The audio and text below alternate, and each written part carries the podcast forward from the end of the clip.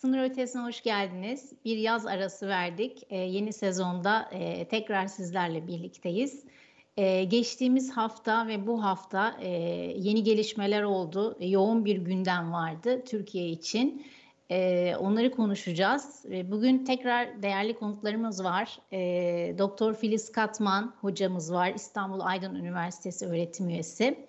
Yine Amerika Birleşik Devletleri'nden e, Kılıç Buğra Kanat var. SETA Washington DC Araştırma Direktörü. E, Yeni Şafak Gazetesi Dış, Dış Haberler Şefi Sernur Yastıkaya da bugün bizimle birlikte. Hoş geldiniz. Nasılsınız? Hoş bulduk. Teşekkürler. Bomba gibi. evet, çok heyecanlı. Peki yeni sezon böyle heyecanlı e, başladı diyelim o zaman. E, gündem yoğun dedik. O yüzden e, direkt başlayalım e, istiyorum. Birleşmiş Milletler'in 78. E, Genel Kurulu toplandı geçtiğimiz hafta.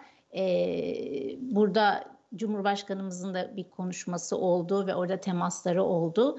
E, önce onu bir değerlendirelim kısaca ve daha sonra yine çok önemli bir mesele, e, bir olay yaşandı daha doğrusu Menendez'in e, mahkemeye çıkması, yolsuzluk ve rüşvet suçlarıyla yüzleşmesi. E, bunlar için e, Kılıç Hocam'la e, Kılıç Hocam'dan yorumlamasını isteyeceğim. Hocam öncelikle e, bize Birleşmiş Milletler'le ilgili bu 78. Genel Kurulu toplantısı ile ilgili kısa bir değerlendirme yapabilir misiniz? Şimdi e, teşekkür ederim. Şimdi e, BM tabii e, her sene e, aslında çok hareketli New York'ta o hafta uluslararası ilişkilerin kalbinin attığı bir e, döneme denk geliyor. Bu sefer e, diğer yıllara göre e, bir tık daha sessiz gerçekleşti. Çünkü Hindistan G20'yi Eylül ayına aldığı için e, BM Genel Kurulu'ndan yaklaşık iki hafta önce Yeni Delhi'de işte 25 ülkenin liderleri toplandı ve orada çok e, ciddi görüşmeler, tartışmalar oldu.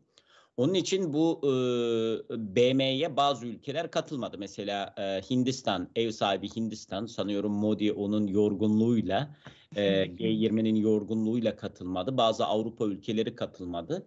Ama e, bu e, bu seneki oturumlarda e, belki biraz da e, hani gündemin Ukrayna-Rusya savaşından daha küresel problemlere de kayması sebebiyle e, genel anlamda küresel sorunlar. Çünkü geçen seneki B, e, BM'yi hatırlıyorum ben ağırlık olarak Ukrayna Savaşı gündeme gelmişti. Çünkü Ukrayna Savaşı'nın çıktığı yıldı.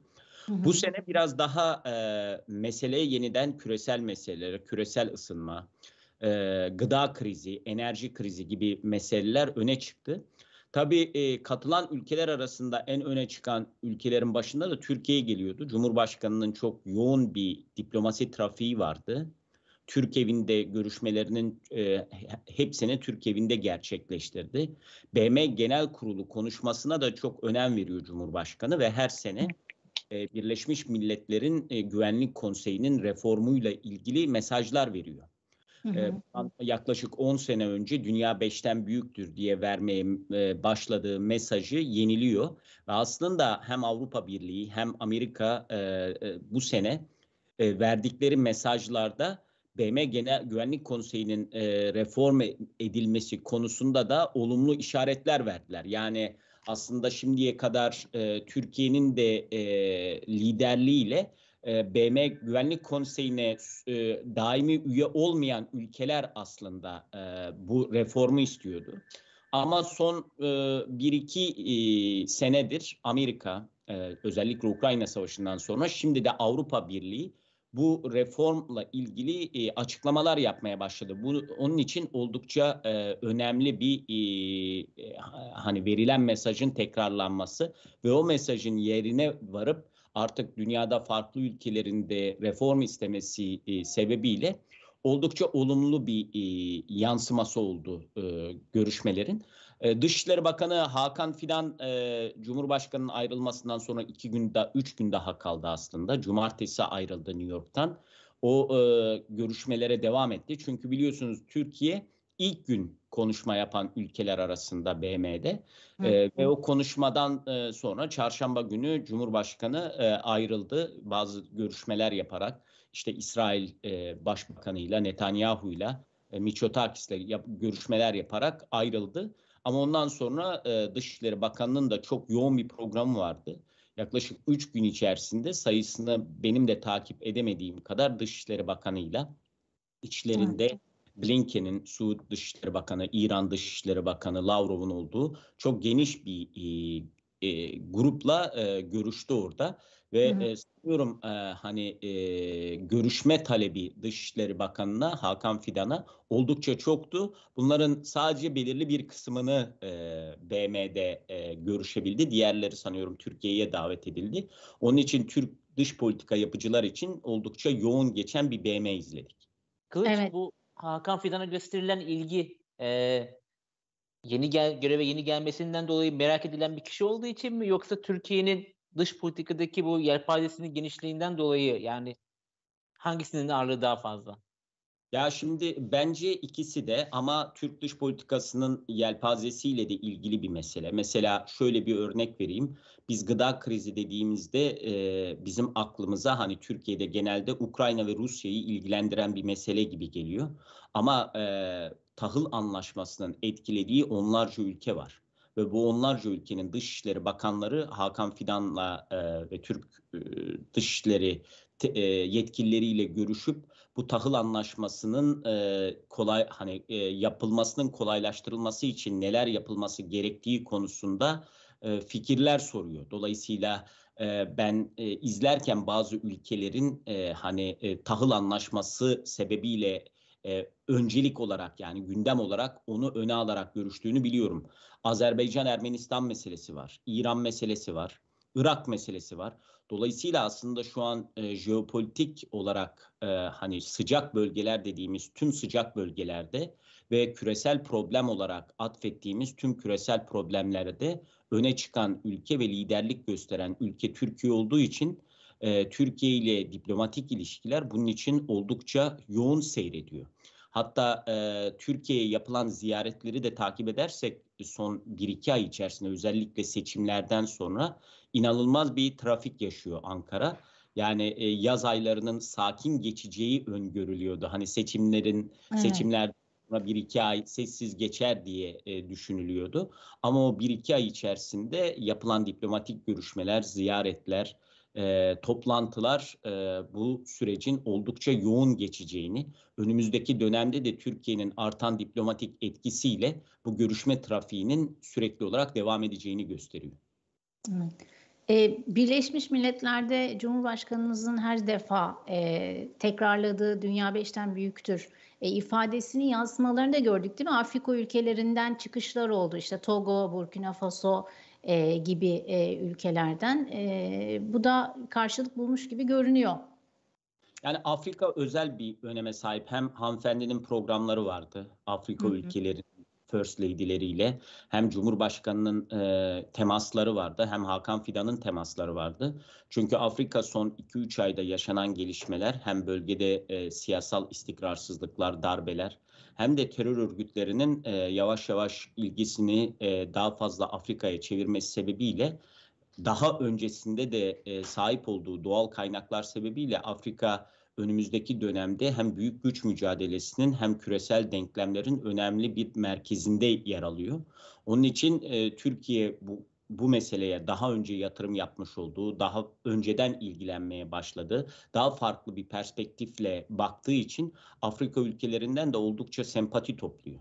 Onun için Türkiye'de sürekli olarak görüyoruz. Geçen sene de görmüştük. Afrika ile ilgili bir toplantı yapıldı, bir sergi yapıldı. Afrika'daki bütün ülkelerin first lady'leri oradaydı. Bu sene de benzer e, toplantılarda ben şahsen Türkiye'deyken sürekli olarak Afrika delegasyonlarını orada gördüm. Evet. Peki hemen Senatör Bob Menendez'e dönelim. Ee, biliyoruz Türkiye karşıtı söylemleri hep e, vardı. F-16 satışında da Türkiye'ye direkt onay sahibiydi. E, fakat işte bir soruşturma başladı. Menendez'in evinde 12'den fazla külçe altın bulundu. 480 bin dolarlık e, nakit para, gizli nakit para ele geçirildi. E, rüşvet ve yolsuzlukla suçlanıyordu eşiyle birlikte. E. Menendez'e sorulduğunda beni susturmak istiyorlar. İşte artık siyasi mezarımı kazmaya çalışıyorlar. Ben İran, Küba ve Türkiye'deki diktatörlere karşı çıktığım gibi böyle bir e, açıklamada falan bulunmuştu. Böyle ciddi bir soruşturma ile karşı karşıyayken. E, suçlamayı hatırlayalım. İddianameye göre 3 e, iş adamından rüşvet alıyor. E, özellikle Mısırlılarla. E, ve iddianamede geçtiği kadarıyla para, altın ve araba karşılığında Dışişleri Bakanlığı'ndan e, sanırım bazı bilgileri de e, satmış olduğu e, iddia ediliyor. Mahkemeye çıktı. E, 100 bin dolar kefaletle serbest bırakıldı. Eşi de 250 bin dolar kefaletle. Ne kadar? Eşi 250 bin. Eşi de 250 bin dolar. Evet. E, tutuksuz yargılanacaklar. Aradaki fark neden? O diğeri sarışın olduğu için mi? Yok. Neden San- daha fazla kesiyor? Sanıyorum suçlamaların niteliğiyle ilgili. Çünkü e, iddianameye bakarsanız özellikle Mısırlı yetkililerle yapılan görüşmeler konusunda Menendez sürekli karısının aracılığıyla e, Nadine Menendez'in Nadine Menendez'in aracılığıyla bu görüşmeleri yaptığını e, iddia ediliyor iddianamede. Dolayısıyla oradaki sanıyorum e, e, eşine Nadine Menendez'e yapılan suçlama sanıyorum biraz daha ağır olduğu için Hı. e, kefalet parası da biraz daha fazla oldu. Evet. Ya benim de aklıma acaba Pasaport. şey geldi. Direkt Menendez'in suçunu da eşinin üstüne atıp Menendez'i aklamaya mı çalışıyorlar diye böyle biraz komplo var ama Öyle sanki şöyle e, şöyle o e, çünkü bu e, yüksek ceza da gerektirebilecek bir şey. Çünkü içerisinde bazı hassas bilgilerin e, Mısırlı yetkililere dolaylı yoldan ulaştırılması var. Yani orada e, hani hassas görülebilecek birincisi biliyorsunuz e, dışişleri e, e, Kahire'deki büyükelçilikte çalışan e, kişilerin kimlikleri istenmiş Ve Menendez e, iddia ediliyor. istendiği iddia ediliyor. Menendez bunu Dışişleri Bakanlığı'ndan soruyor. Dışişleri Bakanlığı bu bilgileri veriyor. Hem e, lokal olarak çalışan e, ekip hem de Amerika'da oradaki temsil e, Amerika e, yani temsilciliğinde çalışan tüm diplomatik yetkililer. Bunların kimlikleri ve nereli oldukları sorulmuş. E, Menendez de bunu dış iddia edildiğine göre Dışişleri Bakanlığı'ndan istiyor. Bu bilgiyi aynı gün eşine yolluyor. Eşi bir Mısırlı iş adamına yolluyor. O Mısırlı iş adamı da bir Mısırlı yetkiliye yolluyor. Daha sonra Mısır'a yapılacak e, yardımlarla ilgili önden e, Mısırlı yetkililere bilgi verilmiş. Ama asıl hani e, Menendez için en e, tehlik tabii yazılan mektuplarda Menendez kongre üyelerine yapılan mektupları paraf etmiş iddia edildiğine göre. Ama orada en e, önemli bilgilerden biri e, Mısırlı istihbarat yetkilileri senatoya geldiğinde senatoda yapılacak görüşmelerden önce onlara sorulacak soruları dolaylı olarak e, Menendez vermiş. Hı. Her ne kadar bunu açık kaynaktan verdiği e, avukatları tarafından iddia edilecek olsa bile hem o görüşme yani senatörlerle e, yapılan görüşmenin hemen öncesinde bu görüşmenin yapılması hem de bu bilgilerin bir şekilde verilmiş olması ciddi soru işaretleri oluşturuyor. Zira bazı ilk etapta sessizlik vardı senatoda, demokratik kanatta. Ee, önce Chuck Schumer, daha sonra 9 başka senatör de bu olayı şu noktada e, çok e, üzüntü verici bir olay olduğunu ve e, bir demokratik senatörden beklenilen standardın altında kaldığını bu Chuck, Chuck Schumer'ın e, Hı hı. şeyi e, açıklaması e, bunu açıklamaya başladılar. Dolayısıyla e, New Jersey e, eyalet valisi de onun istifasını istedi. Evet. Şu an geçici olarak e, Dış İlişkiler Komisyonu Başkanlığından e, inmiş oldu. Evet. Şöyle bir özel bir konu var komisyon başkanlıklarının hem savunma hem dış işlerinde. Onların tek başına e, bazı silah satışları ve atamalar konusunda bloke etme yetkileri oluyor.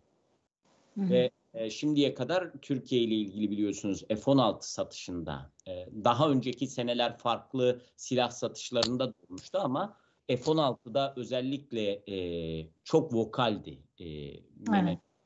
E, hatırlarsanız 2022 yılının e, Kasım'ında NDAA hani bizim artık çok e, tan bize çok tanıdık olan bir yasa bu.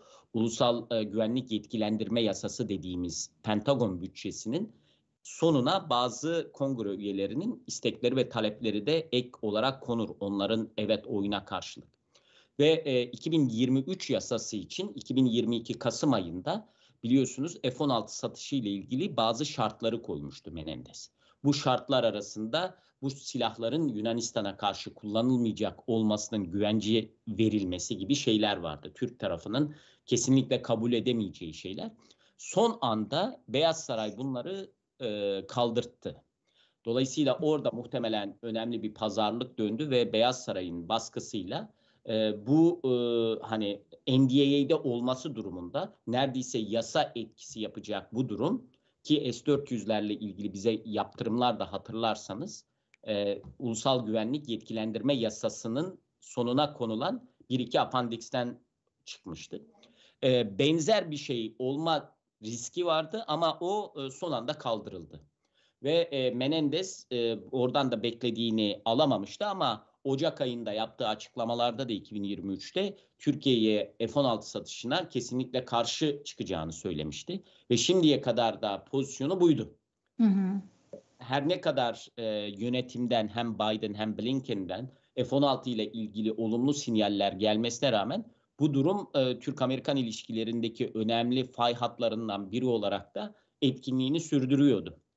Şimdi sanıyorum Ben Cardin gelecek e, Komisyon Başkanlığı'na ve Ben Cardin daha önce e, bu konuyla ilgili daha yumuşak açıklamalar yapmış biri. Dolayısıyla e, bu gelişmenin F-16 konusunda da e, Türk-Amerikan ilişkilerinin önünü biraz açabileceği konusunda bir iyimserlik e, yarattı Washington'da. Peki Kılıç Hocam. Batı medyasında şey vardı hatta bu Ben Cardin ile ilgili işte soruyorlar diğer e, bu dış ilişkiler komitesine e, aday olabilecek senatörleri. Onlar direkt olarak böyle Türkiye ile ilgili olumsuz görüş sergilerken Ben Cardin hiç soru ver, cevap vermeden es geçiyor bunu. Ya orada da bir anlamda e, olumlu bir tavrı olduğunu söyleyebiliriz Ben Cardin'in. Ya şu şu da önemli. Yani tabii ki e, hani burada kongrenin işlerine Beyaz Saray e, karışmaz ama şu da önemli. Beyaz Saray'ın verdiği bir karar. Zira bunu Katsa sırasında Trump'la e, kongre arasındaki krizde de gördük.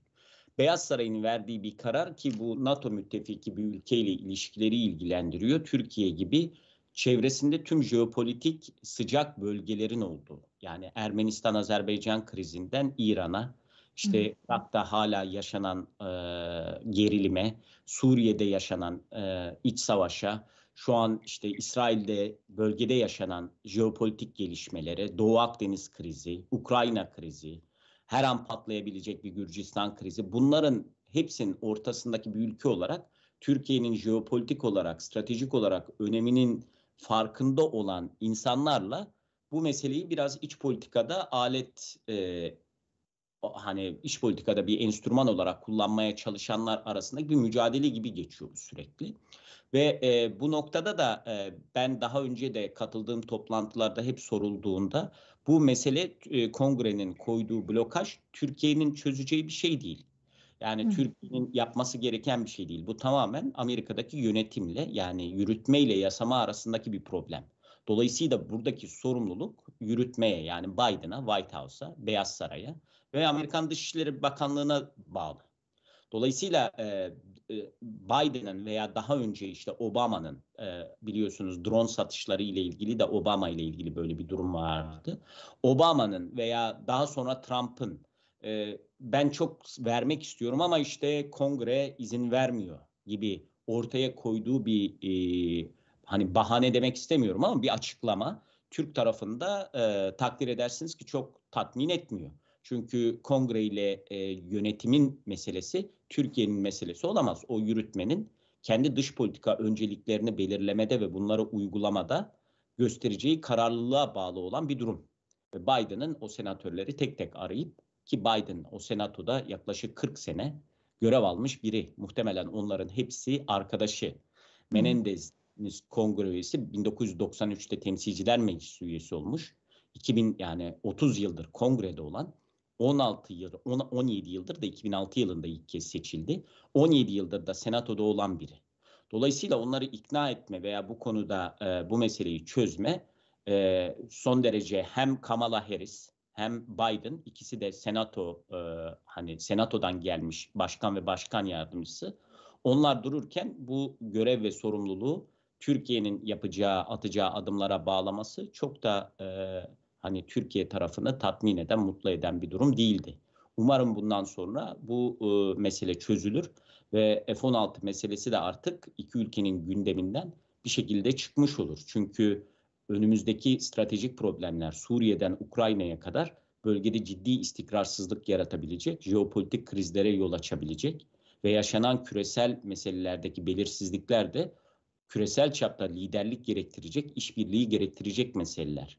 Tüm bunların ortasında bunlar yaşanırken F-16 meselesi gibi iki NATO üyesi, iki müttefik ülkenin 60 senelik müttefik ülkenin e, sadece bir e, hani F-35 de değil, daha F-35 meselesine hiç girmedik.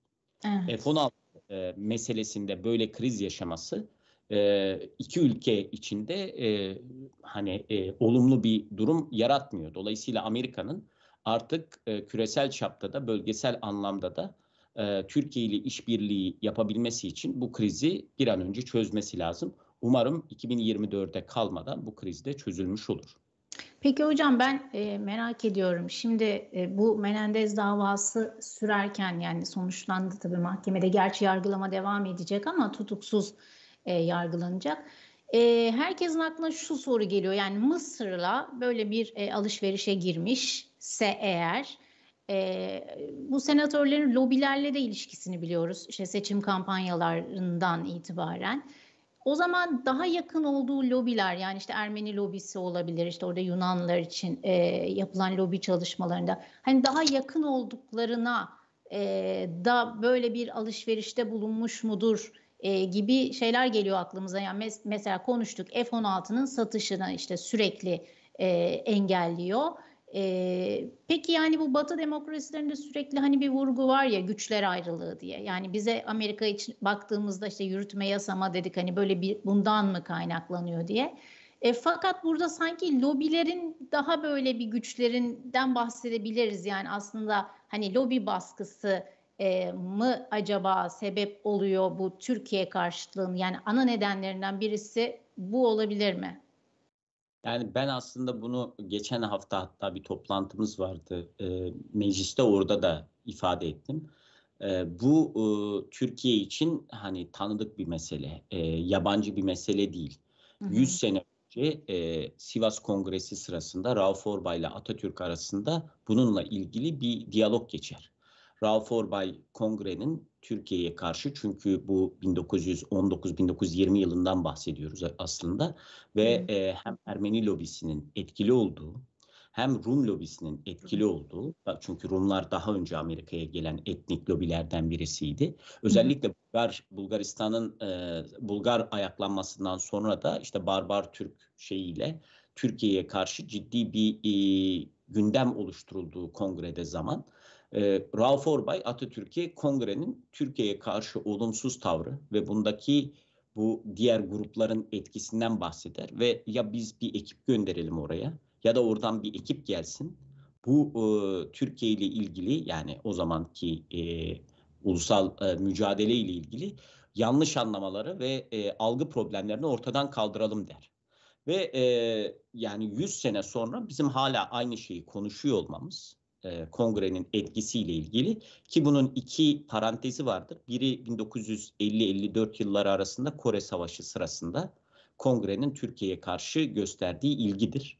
E, Celal Bayar Cumhurbaşkanı ziyaret eder 54'te e, Washington'ı ve kongrede tek konuşma yapan Türk Devlet Başkanı da Celal Bayar'dır o dönemde. O dönemde kongrede Türkiye'ye e, Kore Savaşı'na verdiği destek dolayısıyla çok ciddi bir ilgi vardır. Bir başka bunun parantezi de 1990'lı yıllarda Türk-İsrail yakınlaşmasından sonra İsrail lobisinin e, Rum ve Ermeni lobisine karşı dengeleyici bir rol e, görmeye çalışmasıdır. Bu bu durum bu, bu ki 1990'larda da fırkateyn krizi vardır bize. Amerikan donanmasının vermeye çalıştığı kullanılmış fırkateynler konusunda kongrenin koyduğu blokaj vardır.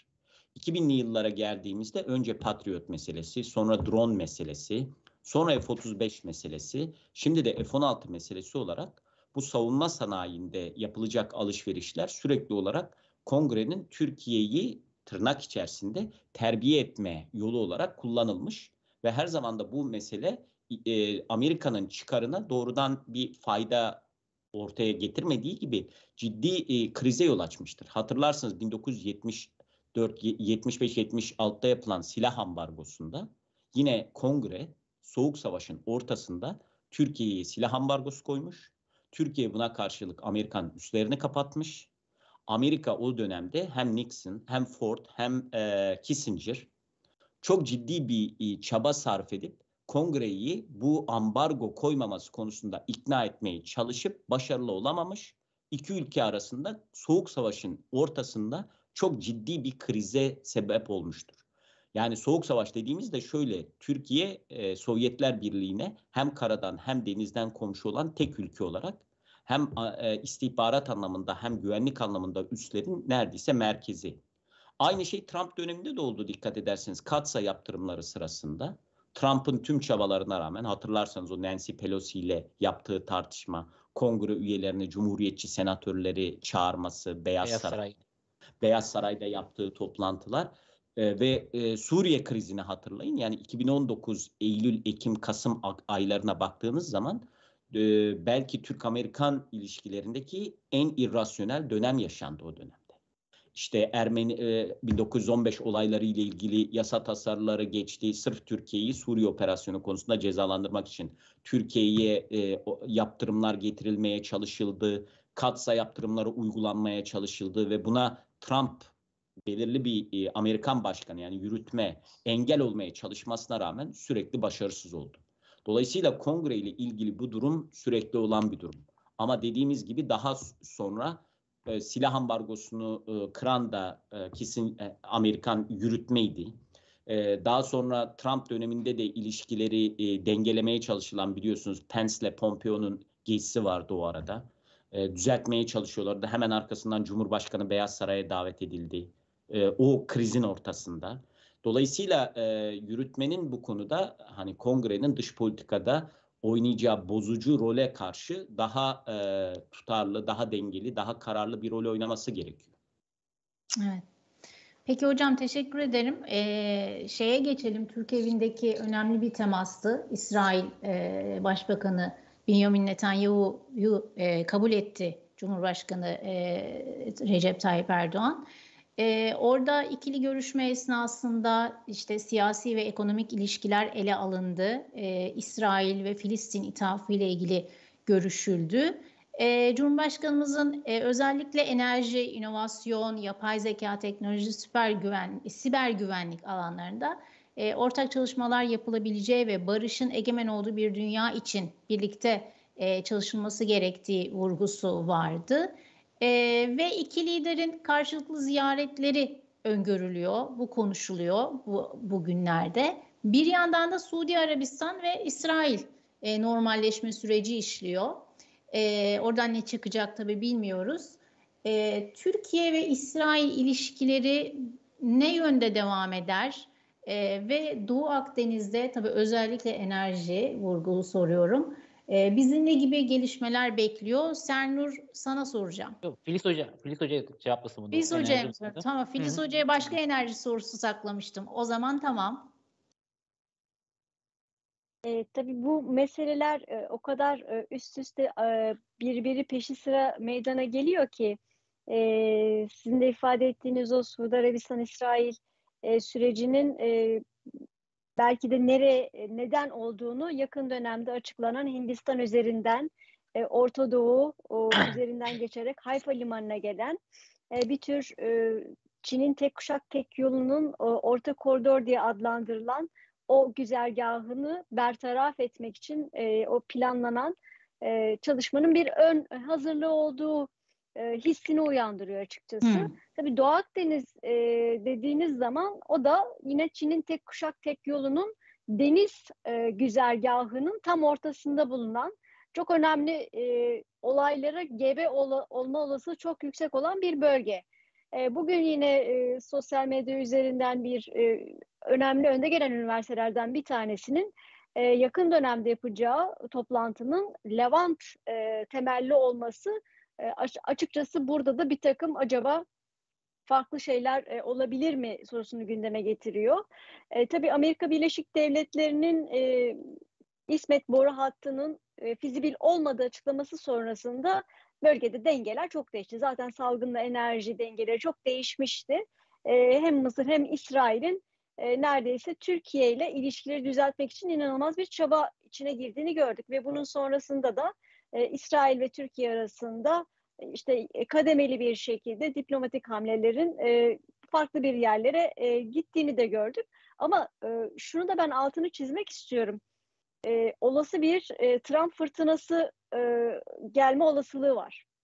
Amerikan siyasetinde ve ben hem bu Menendez meselesinde meselesinin F-16 meselesinin hem de bu İsrail ile olan bu yakınlaşma sürecinin bundan çok etkilenme olasılığı olduğunu düşünüyorum ve bu kadar hızlandırılmasının Menendez'le ilgili bu sürecin şu anda olmasının da bu Trump'ın o tekrar iktidara gelmesi durumunda o ne yapacağı belli olmayan e, bir e, Amerikan başkanının ne tür krizlere yol açabileceği de e, belki de düşünülerek bu hamleler şu anda yapılıyor olabilir. Tesadüf değil diyorsunuz. Ee, tabii ki göreceğiz Amerikan siyasetinde çok değişik günler yaşanıyor. Ee, hem Trump'la ilgili hem de e, Menendez'le ilgili bir e, yasal süreç işliyor. E, bunun ben çok önemli olduğunu düşünüyorum ama İsrail'in de e, bu Trump'la ilgili e, süreçte e, farklı bir pozisyona gitme olasılığı var. Çünkü hmm. e, Trump'ın e, İran'a bakışıyla, e, Trump'ın Orta politikası da İran'ın konumuyla Biden'ın iktidara gelmeden önce ve iktidarı sırasında ifade ettiği o İran'ı konumlandırma arasında neredeyse dünyalar kadar fark var. Evet. E, ve bunun sonucu olarak da e, İsrail bir anlamda Amerika'nın desteği, desteğini istediği kadar hissedemediği için e, kendi göbeğini kendi kesmek için bir anlamda da hem Türkiye ile ilişkilerini geliştiriyor hem de neredeyse Orta Doğu'da e, ihtilaflı olduğu her devlette inanılmaz ilişkiler geliştiriyor. Bu da yetmiyor. Çin'le ilişkilerini geliştiriyor. E, çok aktif bir e, dış politika izliyor. E, bu kadar fazla iç e, meselesi olmasına rağmen İsrail'in e, kendi iç siyasetinde de Netanyahu karşıtı çok ciddi bir e, hareketlenme e, söz konusu. Ama Çin'de e, bir taraftan Suudi Arabistan'la, bir taraftan e, Irak'la, bir taraftan İran'la, bir taraftan da İsrail'le çok ciddi, içeriği açıklanmayan, tam metinleri paylaşılmayan e, anlaşmalar imzalanıyor. Şimdi bu kadar fazla e, olayın e, tam ortasında e, Türkiye'nin e, ne şekilde hangi yöne doğru hamle yapacağı çok önemli. Ben o yüzden de bu F-16 meselesinin, Menendez meselesinin o yüzden de şu anda yapıldığını düşünüyorum. E, bir tür ön alma, e, bir tür e, Türkiye'yi kendi tarafında tutma hamlesi olarak görüyorum. Ama bundan sonraki süreç içerisinde Türk-İsrail ilişkilerinde siz de başta saydınız artık çok farklı alanlarda işbirliği yapılması durumu söz konusu. Çünkü 21. yüzyıl dünyası o bildiğimiz e, genel geçer tehditlerle mücadele coğraf e, dünyası değil. Çok daha yeni tehditler var ve bu yeni tehditler e, çok daha farklı mücadeleleri gerektiriyor. İşte enerji dedik, gıda dedik, işte siber, iklim, iklimle beraber göç, e, yapay zeka, e, savunma sanayinin bundan bunlardan nasıl etkileneceği ve İsrail'in bu anlamda da çok ciddi ve tabii ki finansal teknoloji ben bunu çok önemli olduğunu düşünüyorum. Hmm. Bütün bu başlıklarda İsrail inanılmaz e, bir argeye de sahip. E, o anlamda da Türk-İsrail ilişkilerinin e, bu ticari kapasitesinin de e, çok önemli unsurları olacağını düşünüyorum önümüzdeki dönemlerde bir provokasyon olmadığı sürece. Evet. Serdar Hocam sizin görüşünüz nedir? Ya şöyle bir şey var şimdi İsrail'in genel olarak Türkiye yaklaşımına baktığımız zaman e, güvenlik boyutunun her zaman öne çıktığını biliyoruz, görüyoruz. Hı hı. E, şimdi son olarak bu e, Abraham anlaşmalarıyla Trump döneminde imzalanan Abraham anlaşmalarıyla e, bir nevi e, İsrail güney bölümünü bir şekilde güvenliği almış gibi hı. gözüküyor. Yani bir istikrar kazanmış gözüküyor orada ilişkiler. Ancak e, İsrail'in şöyle bir problemi var e, İran kapısına dayanmış durumda İsrail'in. Ya bu en büyük çekincesi hem Lübnan'da hem Suriye'de hem Irak içinde, içerisinde çok oldukça aktif bir e, İran mevcudiyeti var. Ve İran'ı burada dengeleyebilmesi için e, Türkiye'den başka e, bunu sağlayabilecek aktör yok. E, bu çerçevede e, İsrail hangi yönetim olursa olsun e, mecburen Ankara'ya bakmak zorunda yüzünü. Mesela şimdi biz e, son 3 dönem 3 yıldaki gelişmelere baktığımız zaman İsrail mesela Azerbaycan konusunda da oldukça aktif ve görünür olduğunu görüyoruz. Daha önce İsrail evet. bu kadar görünür değildi Azerbaycan meselesinde. Son dönemde oldukça aktif oldu. Karşılıklı ziyaretlerin sıklaştığını görüyoruz. İsrail'in açık olarak e, silah yardımı yaptığını görüyoruz. E, Washington'da e, Azerbaycan'ın önemli destekçilerinden birisinin e, Yahudi lobisi olduğunu biliyoruz ve buna paralel olarak Türkiye ile ilişkilerin ge- e, geliştiğini görüyoruz. Burada esas e, e, şey diyelim e, birleştirici nokta ortak küme enerji meselesi. Enerji Hı. meselesi burada kolaylaştırıcı bir rol oynuyor Türkiye ile İsrail arasında. Çünkü diğer meselelere girdiğimiz zaman özellikle Filistin meselesinde her iki ülkenin e, ayrı yerlerde durduğu e, açık. E, Cumhurbaşkanı Erdoğan'ın Filistin meselesindeki e, konulu e, görüşlerini hepimiz biliyoruz. Hatta bunu Birleşmiş Milletler Genel Kurulu'nda açık olarak e, resimlerle gösterdiğini biliyoruz. Bu çerçevede iki ülkeyi bir araya getirebilecek en önemli konulardan birisi enerjide işbirliği. Ve bu aslında e, İsrail'in de işine geliyor çünkü e, sadece e, elini Mısır'a bırakmak istemiyor çünkü Mısır'ın ne olacağı belli değil. E, Sisi'nin geleceği tam olarak ne olduğu belli değil. Son olarak işte Amerika ile ilişkilerde de böyle bir sendeleme var Mısır meselesinde ki işte son olarak e, ben belki Kılıçdaroğlu düzeltir beni e, Mısır'a yapılacak bir silah yardımını Washington e, Mısır'dan alarak Tayvan'a yönlendirdi. Yani Hı. böyle sıkıntılı ilişkileri de var e, Mısır'ın son dönemde. Bu çerçevede e, Tel Aviv'in e, realist bir politik olarak Türkiye'ye yöneldiğini görüyoruz. Bu çerçevede işte son dönemde yapılan normalleşme hamleleri e, Türkiye'nin bölgedeki konumunu güçlendirmesi biraz önce Kılıç'ın da özetlediği gibi e, küresel bir diplomasiyi yürütebilecek bir güç artık e, Türkiye ve özellikle Afrika'da e, oldukça e, etkisi fazla olan bir e, devlet. E, Orta Asya'daki zaten gücünü biliyoruz. Son olarak işte Türk Devletler Teşkilatı'nın kurulmasıyla birlikte e, Orta Asya'da e, önemli bir güçlerden birisi oldu. Balkanlardaki mevcudiyetini biliyoruz. Kafkasya'yı zaten saymaya gerek yok. Aynı şekilde Orta Doğu'da da, Irak'ta, e, Suriye'de etkin bir aktör. Bu çerçevede e, rasyonel olarak baktığı zaman Tel Aviv Türkiye'yi kendisi İhtiyaç. için önemli bir ortak görüyor ve bu çerçevede onlar için de enerji meselesi e, işte şeyde Doğu Akdeniz'de çıkartılan enerji kaynaklarının Türkiye üzerinden Avrupa'ya gönderilecek olması da başka bir güvenlik garantisi kendileri için e, gelecek e, gelir anlamında. Bu çerçevede e, işte Sayın Cumhurbaşkanı bahsetmişti. E, İsrail Başbakanı Netanyahu'yu Ankara'ya davet ettiklerini ve kendisinin geleceğini zaten eğer Netanyahu e, bir kalp e, rahatsızlığı geçirmeseydi zaten gelecekti. O onun ertelenmiş şekilde e, gerçekleşeceğini göreceğiz.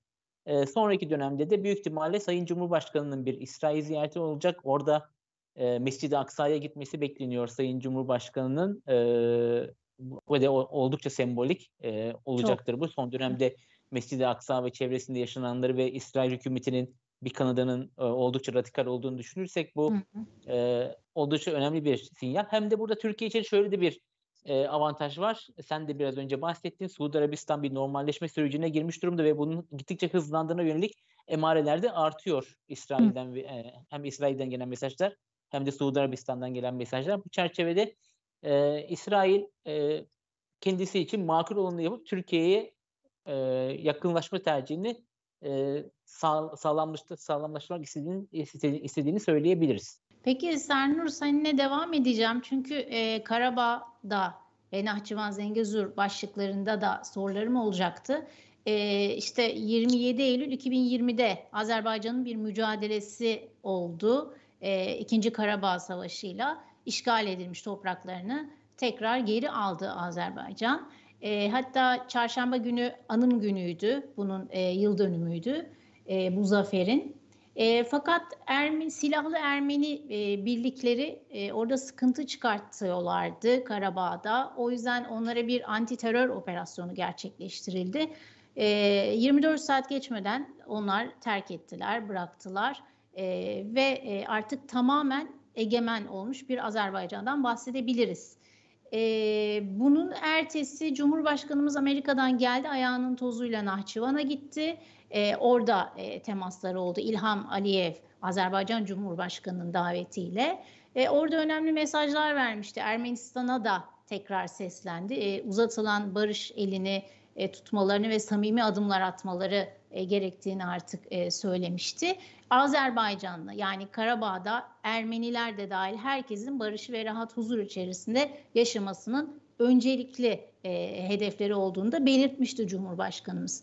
E, burada e, Nahçıvan'ın bir kere önemini soracağım ve Zengezur koridoru. E, burada Ermenistan biraz sıkıştırılıyor. Aslında Ermenistan için büyük bir fırsat Zengezur koridoru. E, ama işte İran'ın e, baskısı, batılı ülkelerin yine Fransa'nın e, biraz işte sorun çıkartması diyebiliriz.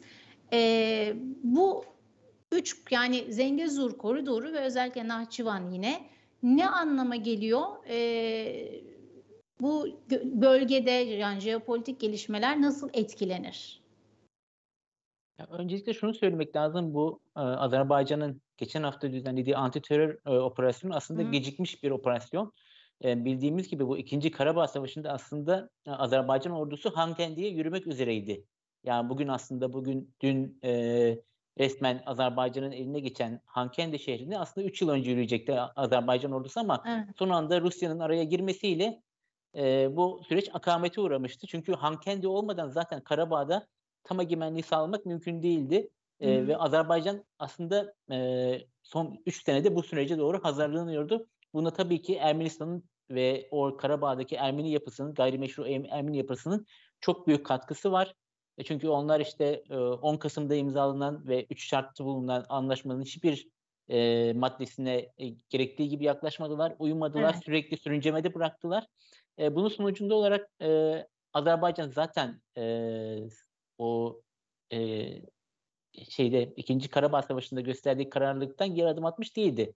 Hı-hı. Ve karşı taraftakilerin samimiyetinin de do, e, iyi olmadığını biliyordu. Bu çerçevede uygun bir konjonktürde zaten bu operasyon bir şekilde yapılacaktı. Çünkü karşıdakilerin e, mevcut ahdi vefa ilkesine uymadıkları her geçen gün ortaya çıkıyor. En son işte e, sözde oradaki ayrılıkçı yapının e, bir seçim düzenlemesi bence bardağı taşıran son Hı. damla olmuştu ki e, burada aslında başka şeylerin de altyapısının yapıl hazırlandığı yönelik e, emareler de vardı. İşte senin bahsettiğin gibi Avrupa Birliği'nin oraya bir gözlemci heyet göndermesi Ermenistan'a, e, ABD'nin en son olarak orada küçük bir askeri birlikle de olsa bir askeri tatbikata im, imza atması. Tabii burada esas kolaylaştırıcı etkilerden birisinin de Rusya'nın e, Ukrayna'ya yönelik işgalinin e, olduğunu söylemek mümkün. Çünkü Rusya Doğru. çok büyük bir meseleyle şu an meşgul ve Hı. aslında diğer taraflara e, dikkatini vermekte zorlanıyor. Bu çerçevede e, Azerbaycan için e, en iyi zamanlamayla bu operasyon gerçekleştirdi. Sonrasında zaten Karabağ'dan çıkan e, işte Hankendi çevresinde yapılan ara, arama tarama faaliyetlerinde ortaya çıkartılan cephanelikler evet. karşı tarafın başka bir hazırlık içerisinde olduğunu bize çok net gösteriyor. Bu çerçevede e, Azerbaycan tam zamanında bir operasyonu yaptı ve bölge jeopolitiğini tamamen değiştirmiş durumda ve senin aslında ilk başta belirttiğin gibi şu an Ermenistan'ın elini rahatlatan da bir operasyon baktığımız zaman. Çünkü artık dış politikasını daha rahat kalibre edebilecek, Türkiye ile ilişkilerini geliştirme için kapıya kapı açılmış durumda. Azerbaycan'la ilişkilerini başka şekilde ayarlayabilir. Üzerindeki Rusya yükünü hafifletebilir ve aslında daha fazla bir e, hem ticari olarak hem siyasi olarak e, evet. evet yeni açılımlar yapılabilir. Bu çerçevede Zengezur projesi pro koridoru e, Azerbaycan e, Ermenistan için içerisinde e, has, özellikle ekonomik anlamda çok fazla e, getirisi olacak bir proje. Şimdi biz var, evet. e, Hankendi'den çıkan e, Ermenilerin durumunu görüyoruz. Çıkan ve gönüllü olarak ayrılan Ermenilerin, Ermenilerin durumunu görüyoruz. Sanki 90'lı yılların başında kalmış gibiler hepsi. Ya o araçlara falan bakıyoruz.